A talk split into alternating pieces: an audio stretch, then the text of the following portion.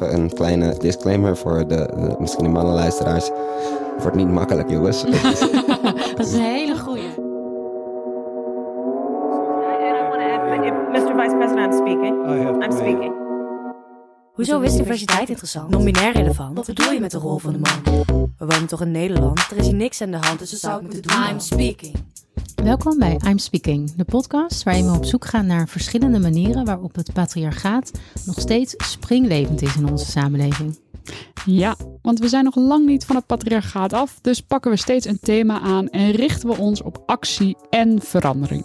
Yes, en vandaag gaan we het hebben over toxic masculinity of giftelijke, schadelijke mannelijkheid in wat beter Nederlands. En in de voorbereiding op deze opname heb ik daar best wel wat over zitten lezen, artikelen, podcast geluisterd ook. En wat me opviel, is dat die bijna allemaal één ding met elkaar gemeen hebben. Namelijk dat er steeds een soort van opzomming in zit, een lijstje met verschillende kenmerken die geassocieerd worden met toxic masculinity. Oké, nou dat is handig, want dan eh, hebben we een beetje een idee welke richting we moeten denken. Heb je wat voorbeelden, Coco? Ja, tuurlijk. Ik zal even een greep doen uit die opzommingen. Wat, je, wat daar al zo al in voorkomt is bijvoorbeeld eh, dominantie, fysieke kracht, ehm, ja, emotieloosheid of het onderdrukken van emoties. Een beetje stoïcijns eh, wordt er vaak genoemd. Rationaliteit, heteroseksualiteit, eh, competitief zijn, agressief, agressie en zelfvoorzienend is een woord dat vaak voorkomt. Hmm, dus de echte kostwinnaar die voor zichzelf kan zorgen en eh, Precies, lekker dat vlees snijden op zondag. precies verder niemand nodig heeft. En we zijn er dus van overtuigd dat dit mannelijk is. En als je daar niet aan voldoet, dat je dan minder of geen man bent. Klopt ja, dat? Ja, daar komt het in het kort eigenlijk wel op neer, is mijn indruk, na wat ik heb gelezen. En het is dan denk ik wel goed, soort disclaimer, om even op te merken dat het niet zozeer die mannelijkheid aan zich is die giftig is, maar dat het problematisch wordt als we op basis van dat profiel, van dat stereotype, en ik schets het nu natuurlijk heel kort, we gaan het straks uitgebreider over hebben, Mhm. als op basis daarvan mensen worden uitgesloten of dat we van dat schadelijke gedrag eh, gaan goed praten. Ja, ja. Dus bijvoorbeeld grab them by the pussy. Ja, grab him by the pussy. Ik moet er nu een beetje om lachen om het zo uit jouw mond te horen. Maar het is natuurlijk eigenlijk om te, te huilen, eh, dit soort dingen. En dat we ook allemaal weten waar het over gaat. Dat dat zoveel ruimte heeft gekregen. Mhm. Maar ik stel voor dat we onze gast aan het woord laten... die ons hierover nog veel meer gaat vertellen. Yes. Want vandaag bij ons in de studio zit Benjamin Vro. Hij is zanger, rapper, presentator, feminist en ambassadeur van Emancipator. Platform voor mannen en mannen-emancipatie. En Benjamin pleit voor een nieuwe vorm van mannelijkheid. Welkom. ja, dankjewel dat eh, jullie me hebben uitgenodigd. Ik vind het heel fijn om hier te zijn. Leuk dat je er bent. Nou, Wij zijn ook blij dat je er bent. Nou, we somden in die introductie al even een aantal van die eigenschappen op die horen bij dat stereotype man van, beeld van mannelijkheid.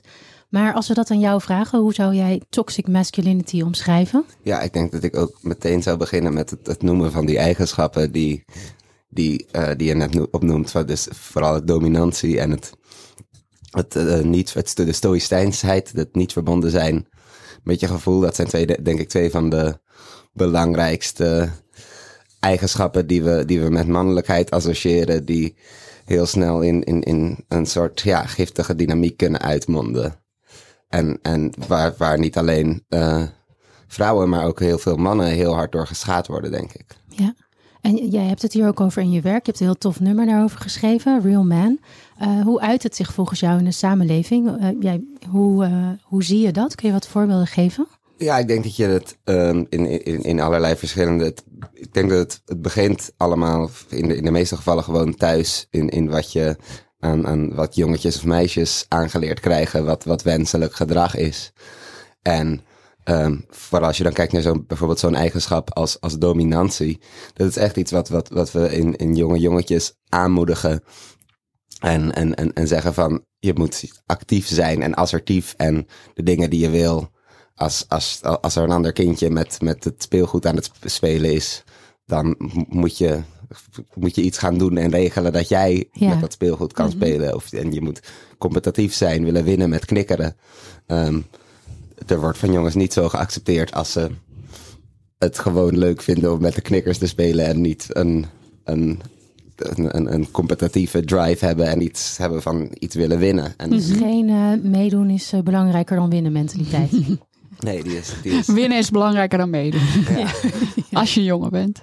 ja, ja ik, denk, ik denk dat, dat dat één heel belangrijk ding is. Mhm. Ik denk dat om jongens op te voeden om patriarchale mannen te worden, ehm, is het ook nodig om ze te leren te zich te leren te disassociëren van hun gevoelens en die gevoelens niet, niet uit te spreken. Mhm. En ik denk dat het voor, ehm, voor, voor ouders ook zelfs al wil je, zelfs al probeer je om je kinderen een, een, een, een ander soort mannelijkheid op te voeden of met een ander idee van, van gender, dan blijft het alsnog heel moeilijk omdat je het anders op het schoolplein of op tv wel leert. We worden constant gebombardeerd met verhalen en beelden van eh, mannen die deze eigenschappen hebben. Ja, Ehm, en, en nu heb je het heel erg over kinderen en de opvoeding. Maar hoe, hoe uit dat zich zeg maar, later in het leven? Wat voor soort gedrag of problemen kan het opleveren?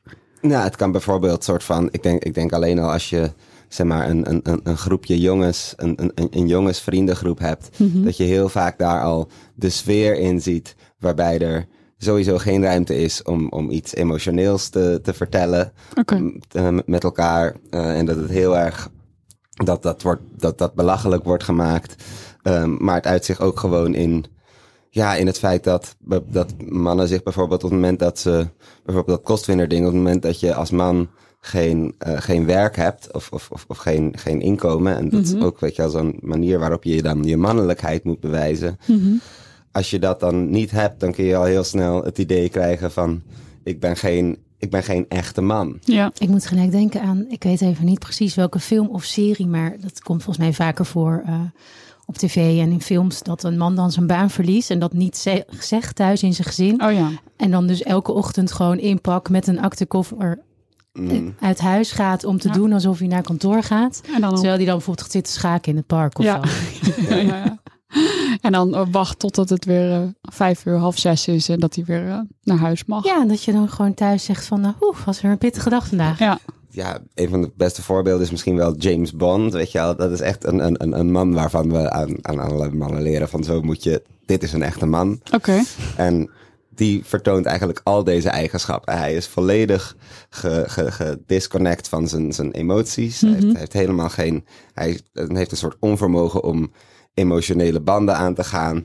Hij eh, eh, is manipulatief, hij, hij, hij liegt, gebruikt geweld. En eh, Hij Ja. trekt vrouwen aan, hè? Hoeft hij niet veel voor te doen, maar eh, Ja. iedereen wil hem. Ja. ja, Mooie auto's, mooie pakken, Ja. mooie vrouwen.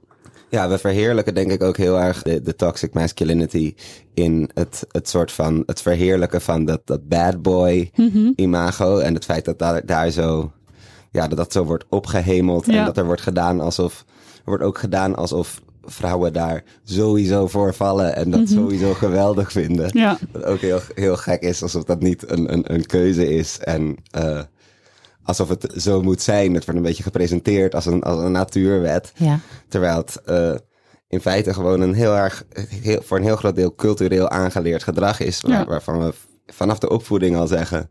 En daarna constant in media en maar ook gewoon in hoe de samenleving gestructureerd is. Mhm. Zie je terug dat dit, dit beeld wordt, wordt aangemoedigd. Ja.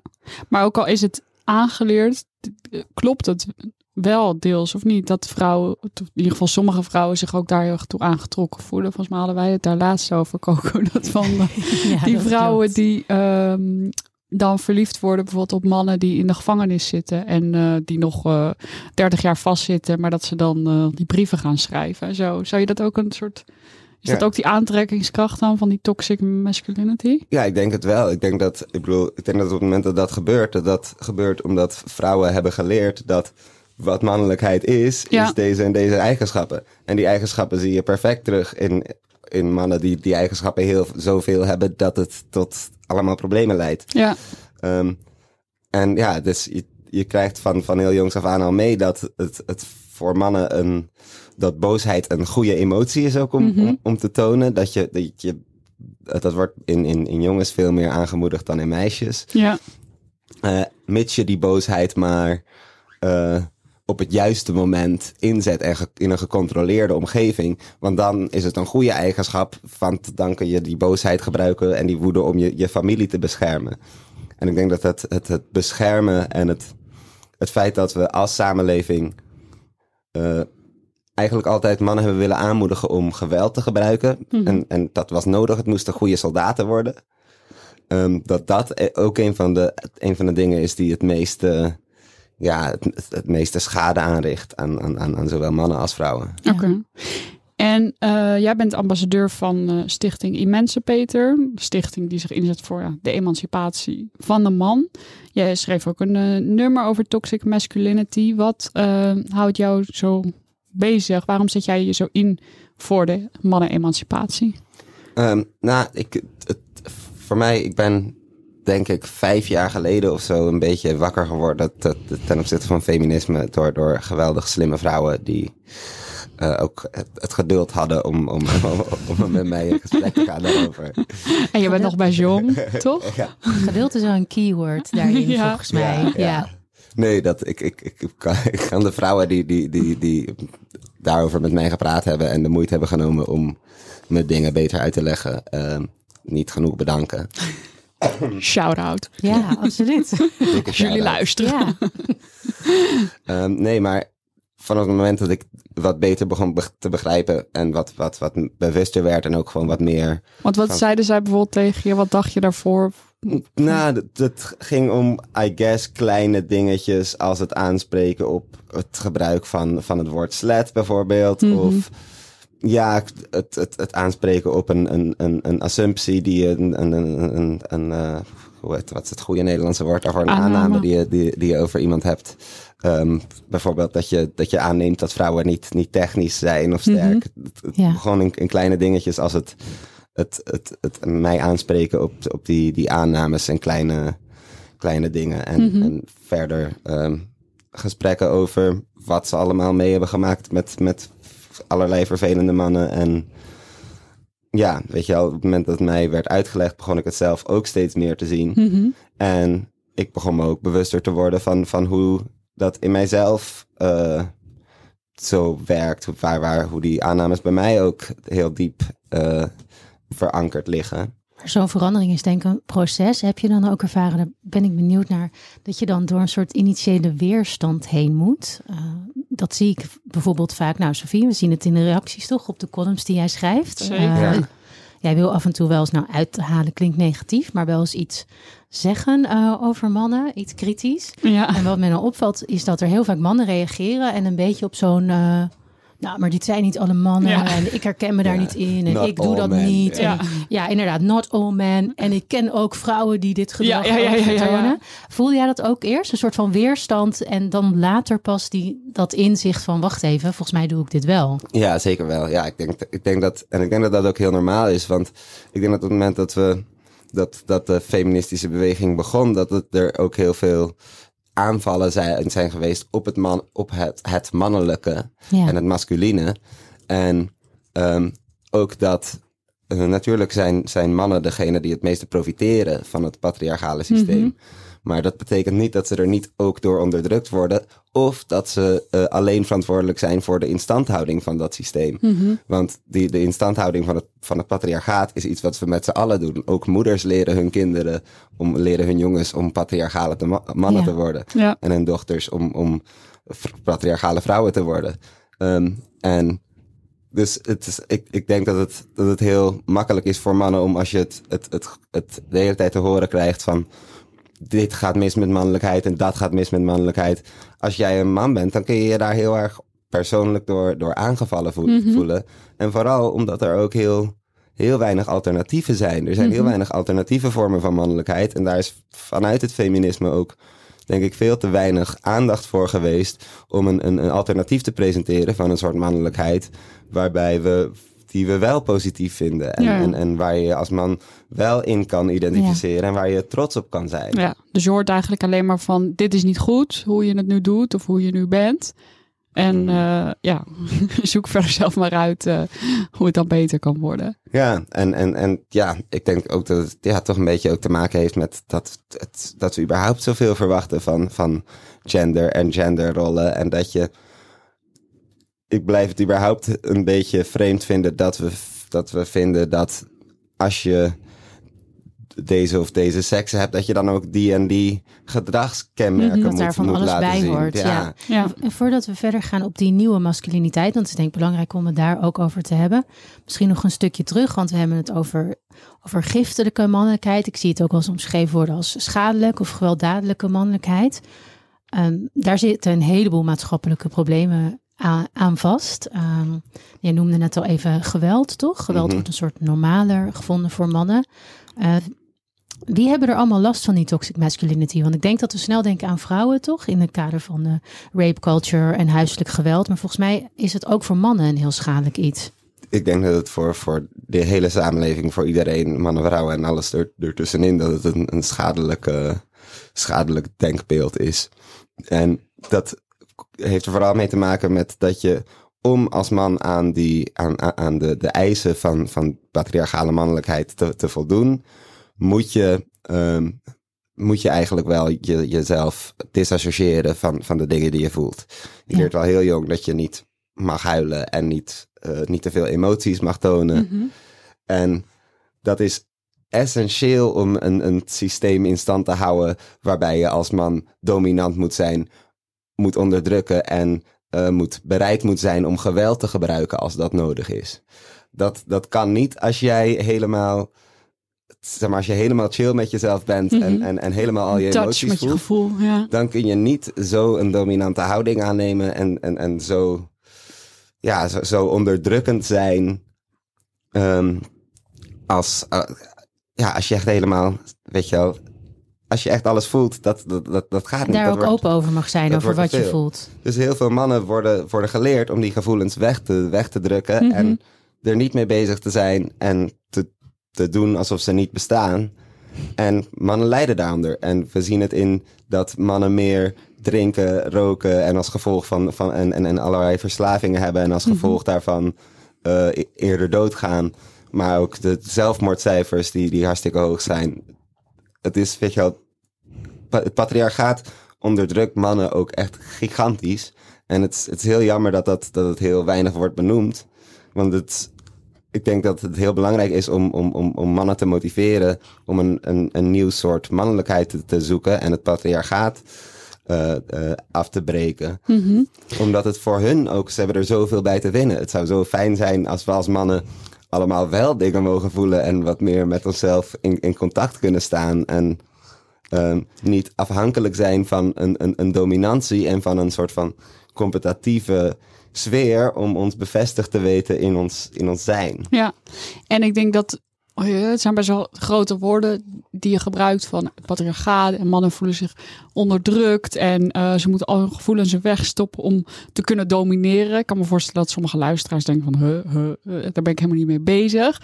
Eh, of wie domineer ik dan? Hoe kun je dat wat concreter maken? Of heb je dat bij jezelf gemerkt of bij vrienden gezien? Van hoe uitzicht dat? Ja, ik denk dat het, dat, dat begint bij, bij hele kleine dingen. Ehm, en dat kan bijvoorbeeld zijn dat. Ik merkte bijvoorbeeld toen ik daar wat meer begon te letten. hoeveel meer als je in een groepje gaat zitten. en vooral als het een groepje is waarbij je iets moet regelen of iets, iets, iets, moet bespreken. Mhm. hoeveel meer de mannen dan aan het woord zijn. Hmm. Hoeveel makkelijker de mannen het woord nemen. ervan uitgaan dat ze er iets over, slims over te zeggen Er hebben. is een hele bekende groep die daar ook last van heeft, toch? De Tweede Kamer. Oh ja, die ministerraad ook Ja. volgens Ja. mij. Uh, Vrouwen onderbreken, vrouwen niet uit laten praten. Ik denk dat dat superveel gebeurt. Ja. En dat, dat is een hele kleine, een, een heel klein ding waarin je al ziet dat die, die, die dominantie, dat dat eh super belangrijk is. Ja. Ehm, maar ook, ja, dat, dat, het, het, het, het, eh, eh, ja, de associatie van bijvoorbeeld eh, ehm, rationaliteit met mannelijkheid. Dus als je emoties toont, dan als je emotioneel bent, dan wordt dat ook vaak niet, of in ieder geval tenzij de mo- emotie boosheid is, die wordt wel weer vaak geaccepteerd. Ja. Maar voor mannen, andere- niet ja, voor vrouwen, ja. toch? Ja. Je moet als vrouw precies. vooral niet boos worden. Je moet als vrouw inderdaad vooral niet boos worden. En als man is dat ongeveer de enige emotie die, die, je mag, die, die Ja. geaccepteerd is. Je, je mag in ieder geval niet, het is niet de bedoeling dat je eh, ineens gaat huilen en, en, Nee. en heel erg verdrietig bent. Dat is niet een emotie waarvan we zeggen van, oh ja, dat, Goed zo. Dat is te soft. ja. Ja. Het is een absurde wurggreep eigenlijk, hè, waar we elkaar in houden. Want een man moet niet te emotioneel worden. Nee. Want dat associëren we met vrouwen. Maar als je als vrouw emotioneel wordt, bijvoorbeeld op je werk of in een andere professionele context, word je eigenlijk ook gedisqualificeerd. Zo van, ja, dit, dit is niet eh, professioneel gedrag. Ja. Ja, maar ook de dubbele maat die, waar, waarin we daarmee nemen, of waarin we daarmee meten, dat, eh, eh, dat we, zeg maar, dus aan, de, aan, aan allebei, allebei de kanten zien dat zowel mannen en vrouwen emotie ehm, tonen, maar eh, dat het bij, bij mannen boosheid, dus die, die, die, dan noemen we dat niet, e- dan noemen we dat ineens niet emotie of Nee. zo. Weet je wel, we konden het zien bij, bij de verkiezingen tussen, tussen Trump en Clinton. Weet je wel, ik heb, ik heb nog nooit zo soort van iemand gezien die zo erg door emotie gemotiveerd is als, Ja. als Trump. En alsnog wordt, wordt het beeld geschetst dat Clinton de emotionele Ja, ja, ja, van de twee dan. zeker. Ja, Ja, er zijn sowieso eigenlijk. best veel van die woorden, zoals emotioneel of hysterisch of eh, geïrriteerd, die eigenlijk überhaupt bijna alleen maar voor vrouwen worden gebruikt, volgens Ja. mij. Chagrijnig, of ik zag ook laatst een eh, artikel waarin werd gezegd van... eh, ja, en de ambitieuze man en zijn overijverige vrouw. Van, Ja. Oh Ja, ja, dat is een heel goed Oh, ja. voorbeeld. Ja. Zo naast elkaar in één ja, zin. precies. Dus gewoon dezelfde eigenschappen worden ook heel anders gekwalificeerd, zeg maar, en beschouwd in eh, mannen of vrouwen. Ja. Interessant. En hoe is misschien een klein beetje een, een zijstapje, maar ehm, als ik je goed begrijp, dan zeg je dus eigenlijk van ja, mannen moeten de hele tijd maar laten zien dat ze man zijn en bewijzen dat ze man genoeg zijn. En dat is dus ook eigenlijk zich de hele tijd afzetten tegen ik ben geen vrouw. En is dat ook van ik ben geen homo? Speelt dat ook mee? Ik denk dat ja, ho- homofobie is daar een hele belangrijke, een, een belangrijk onderdeel van. Er is ook het, idee- het idee dat, het, het, dat, dat seksualiteit en, en gender verbonden zijn. Dus Mhm. dat als je, ja, als je op mannen, als je een man bent die op mannen valt, dat je dan ook wel vast wel een stuk vrouwelijker zal zijn. Ja. Terwijl, ja, voor mij is dat helemaal niet waar. Je ziet ook heel veel in, in, in, in, in, in heel veel homo-mannen die juist hypermasculien eh, willen zijn. En, Ja. en juist heel erg die, die, die mannelijke eigenschappen uitdragen en opzoeken. Of dat verlangen in, in, een, in een partner. Mhm. En ja, we hebben, het, we hebben dit het vreemde idee dat als je van het ene soort mens houdt, dat je dan zelf wel het andere soort mens zal zijn. Ja. En En ik, ik las ook in een aantal artikelen dat het ook heel diep zit, een soort van eh, dat heel veel heteroseksuele mannen een soort van angst he- hebben om ehm, dat iemand zou denken dat zij misschien homoseksueel zijn. Ik las bijvoorbeeld een voorbeeld dat eh, in mannengroepen het een soort van ding is dat als je een andere man een compliment maakt, dat je dan heel snel daarachteraan zegt van eh, no, no homo. homo, ja, dat- Nou, ik kende het helemaal niet, maar jij, nou, jij her- herkent Ja, het direct dat je een soort direct daar achteraan duidelijk moet maken van ik zeg dit, maar je moet niet denken dat. Mm, ja, dat is, dat is echt iets wat superveel gebeurt. En, en, en ook omdat we dus het idee hebben dat, dat als je homo bent, dat dat ook iets, iets af zou doen aan Mhm. Je mannelijkheid. je mannelijkheid. Ja. Ja, Wat natuurlijk gewoon een heel absurd idee is, weet je wel. Maar ja, dat gebeurt superveel. En ja, er, er is ook dat, dat grapje van ehm, mannen die, die, die, die zo over homo's denken, zijn bang dat eh, homo's hun behandelen zoals zij vrouwen behandelen. Weet je wel. oh wauw, ja. Wacht, daar moet ik even over nadenken. ja, Ja. makes sense. Ja. Ja. Ik, ik denk, homofobie heeft een super grote rol inderdaad in, in die toxic masculinity. En Ja. Wou dat ik nou iets kon zeggen van, oh, dit, hier, hier is echt een vet makkelijke oplossing voor. Daar gaan we zo nog wel aan je Maar vragen. de oplossing is, wees gewoon niet zo homofoob, alsjeblieft. Ja. I guess.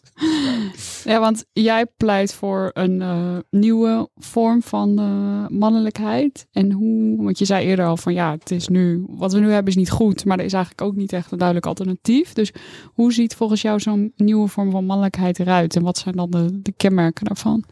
Ja, ik zal allereerst denk ik zeggen dat ik heel eigenlijk bang ben om, om, om, om zoiets te definiëren. Omdat, ehm, ja, ik denk dat zodra je ehm, gaat zeggen van, oh, een, een, een mannelijkheid, dat moeten, als, iedere eigenschap die ik nu ga opnoemen, heeft gelijk als ik dat zeg over dit moet het nieuwe mannelijk zijn, Mm. Dan heeft dat als implicatie dat dat niet vrouwelijk is. Ja. Moeten we dan En- misschien het begrip mannelijkheid gewoon helemaal oprekken? Er, ik, denk, ik denk wel dat er dingen zijn die we met, met, met mannelijkheid associëren die niet giftig zijn. Namelijk bijvoorbeeld dat, weet je wel, zelfvoorzienendheid is helemaal niet een slechte eigenschap of een Nee. giftige eigenschap. Dat is, dat is hartstikke fijn als mensen zelfvoorzienend zijn. Het is alleen als je zelfvoorzienend moet zijn en je mag niet over je gevoelens praten ondertussen of hulp vragen, dan ja, Wordt het een ander verhaal? dan, dan wordt het een, dan wordt het een heel lastig verhaal. Dus ik denk inderdaad dat het belangrijk is om, om sowieso op te rekken en, en te verwarren wat, wat soort van wat mannen en vrouwen mogen zijn. En dat, dat het belangrijk is om van, van mannen te houden eh, om wie ze zijn. En niet om dat ze deze en deze en deze eigenschappen hebben en dus mannen zijn. We moeten van, van mannen houden omdat ze de prachtige mensen zijn die ze zijn. En, Ja. en de eigenschappen die die mannen toevallig hebben, moeten we leuk vinden. Weet je waarom is dat de eigenschappen zijn die, die, die we ook fijn vinden om te zien.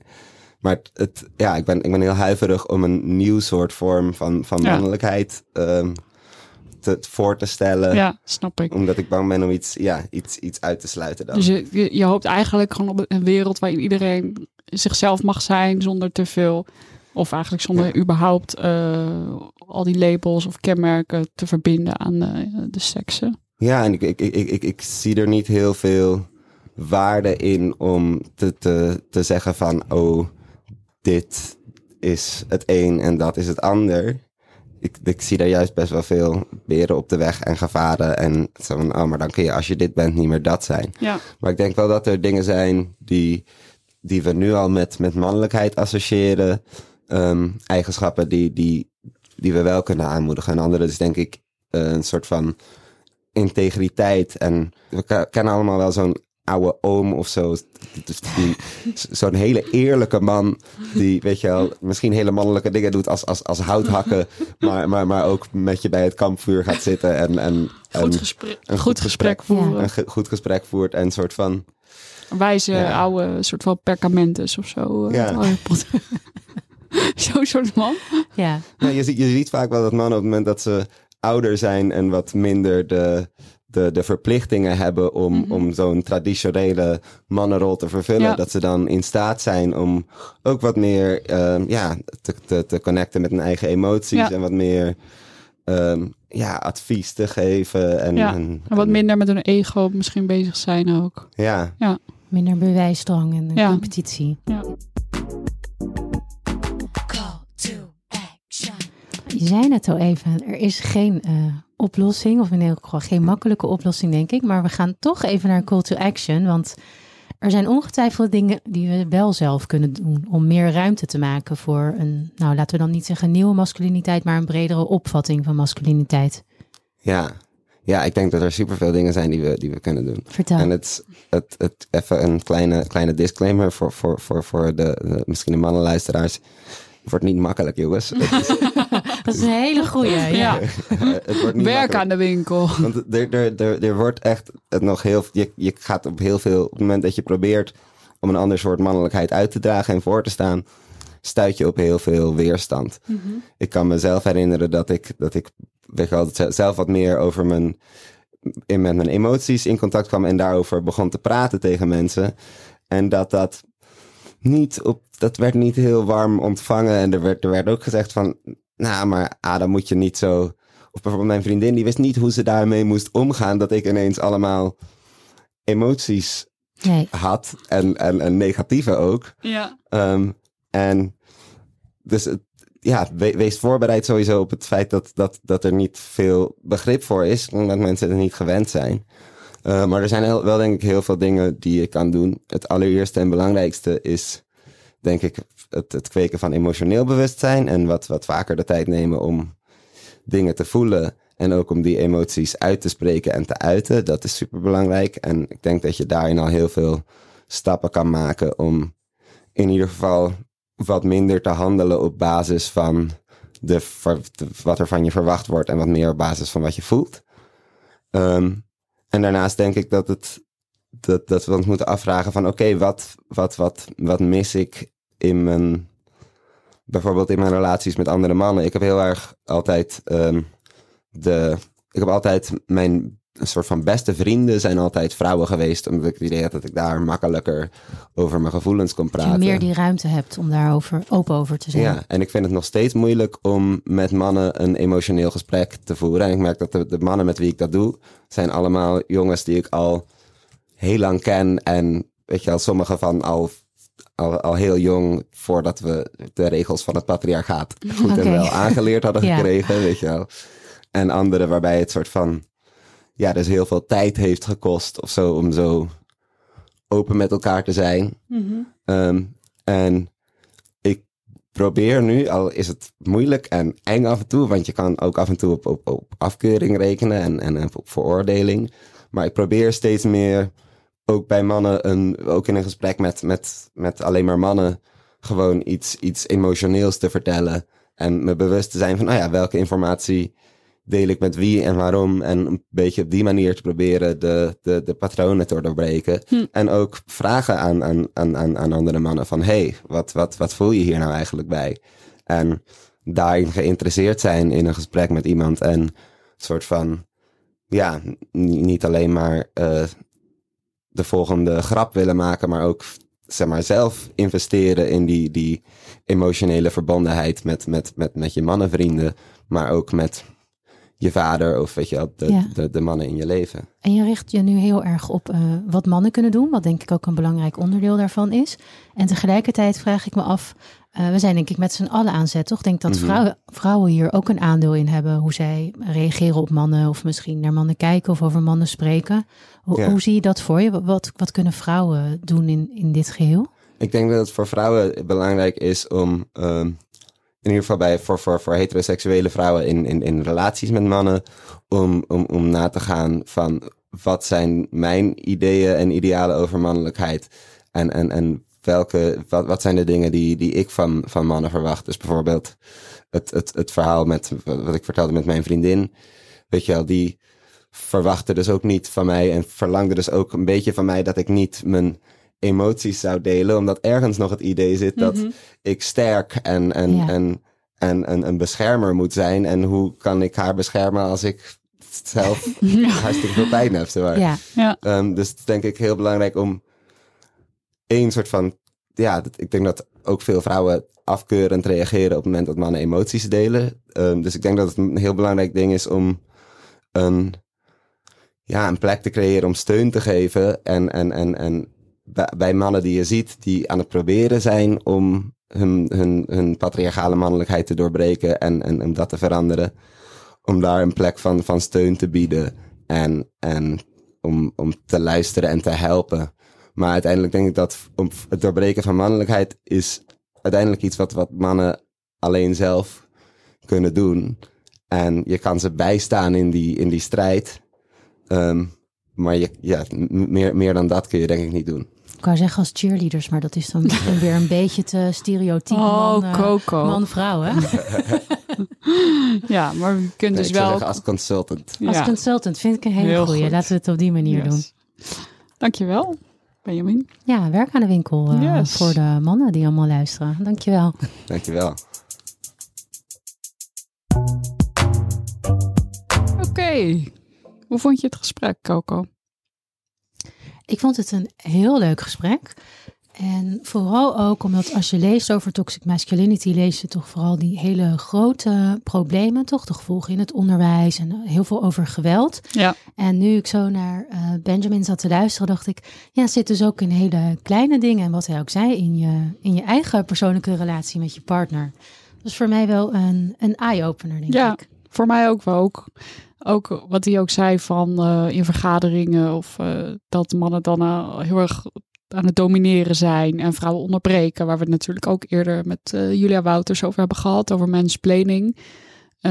Als ik hem zo beluister, denk ik, ja, dat is eigenlijk ook een vorm van toxic masculinity. Absoluut. En wat volgens mij ook wel echt belangrijk en heel waardevol inzicht is, is dat ehm, die toxic masculinity niet een probleem is voor vrouwen, omdat die vaak aan de receiving end van al dat geweld zitten Mhm. of van ander schadelijk gedrag. Maar dat het ook juist voor mannen heel belangrijk is om hier bewust van te zijn en het aan te pakken. En dat lijkt me ook heel praktisch, want ik weet toch vaak als je mensen nou, probeert mee te krijgen voor een of ander doel, ongeacht dat het is, dat het heel belangrijk is om de what's in it for me vraag Mhm. te beantwoorden, om mensen Ja. te motiveren. En nou, ik zat nu zo te luisteren en toen dacht ik, ja, je kunt gewoon heel duidelijk maken dat het ook voor mannen beter is als we, als we hiervan afkomen. Ja. En niet alleen voor mannen. Ik denk dat je dit gesprek natuurlijk ook moet zien in het kader van dat we gender steeds meer eh, fluïde kunnen beschouwen. Dat er heel veel mensen zijn die zich non-binair identificeren. Mhm. Ik denk dat ook voor die hele groep heel belangrijk is dat we loskomen van dat ja, geëikte beeld van wat het in zou moeten houden om een man te zijn. Mannen komen van Mars en vrouwen komen van Venus. Dat? Ja, precies. Heb jij die liggen thuis, dat boek? Nee, Vast niet. wel een ander leuk boek. Dat ik gisteren kon ophalen van de drukker. Vertel, gooi hem er maar, gooi hem er maar even in. Nou, mijn eigen boek. Waarom vrouwen minder verdienen en wat we eraan kunnen doen. Die moeten we natuurlijk allemaal lezen. En iedereen die onze eerste aflevering over de loonkloof niet heeft gehoord, moet dat natuurlijk eerst gaan luisteren en dan de diepte in met jouw boek. Ja. Maar afsluitende woorden over toxic masculinity? Laatste gedachte? Ja, toxic. we moeten er vanaf. Nee, we moeten er vanaf. En het, ik denk dat het veel vaker voorkomt eh, dan je denkt. Als je erop gaat letten. Gewoon allemaal patronen of van die dingen. Wat hij ook al zei. Het begint al bij kinderen. Dat we tegen eh, jongetjes zeggen van oh niet huilen. En eh, ja, eigenlijk dat mannen best wel worden afgeraden de hele tijd om gevoel te laten zien. En ja, is toch zonde. En dat we er allemaal onderdeel van zijn. Hè? Ja. Ik ga ook even goed bij mezelf te raden. Want volgens mij heb ik ook wel wat van die geëikte ideeën toch wel in mijn, in mijn hoofd als het om mannen gaat. Ja, en als je aan het daten bent, hè, Ja. mogen we niks over zeggen. Nee, maar, nee, maar jij hebt gelijk. Het is wel belangrijk. Hè? Eh, Ja. Het heeft denk ik te maken ook hoe je, hoe je mannen benadert en hoe je je opstelt. Eh, Zeker, en de verwachting ook die je hebt van mannen. Toch? Ja, absoluut. Dus eh, we gaan aan de slag We gaan ons leven beter. Ja, Vanuit Studio Salto hier in Amsterdam bedanken natuurlijk zoals altijd Maud Hekman voor de productie. en vond je het leuk om te luisteren? Laat dan een recensie en wat sterretjes achter in je favoriete podcast-app. En ons een berichtje sturen via e-mail of social media mag natuurlijk ook altijd. Ideeën zijn altijd welkom. Yes, dank voor het luisteren. Tot de volgende. Ciao.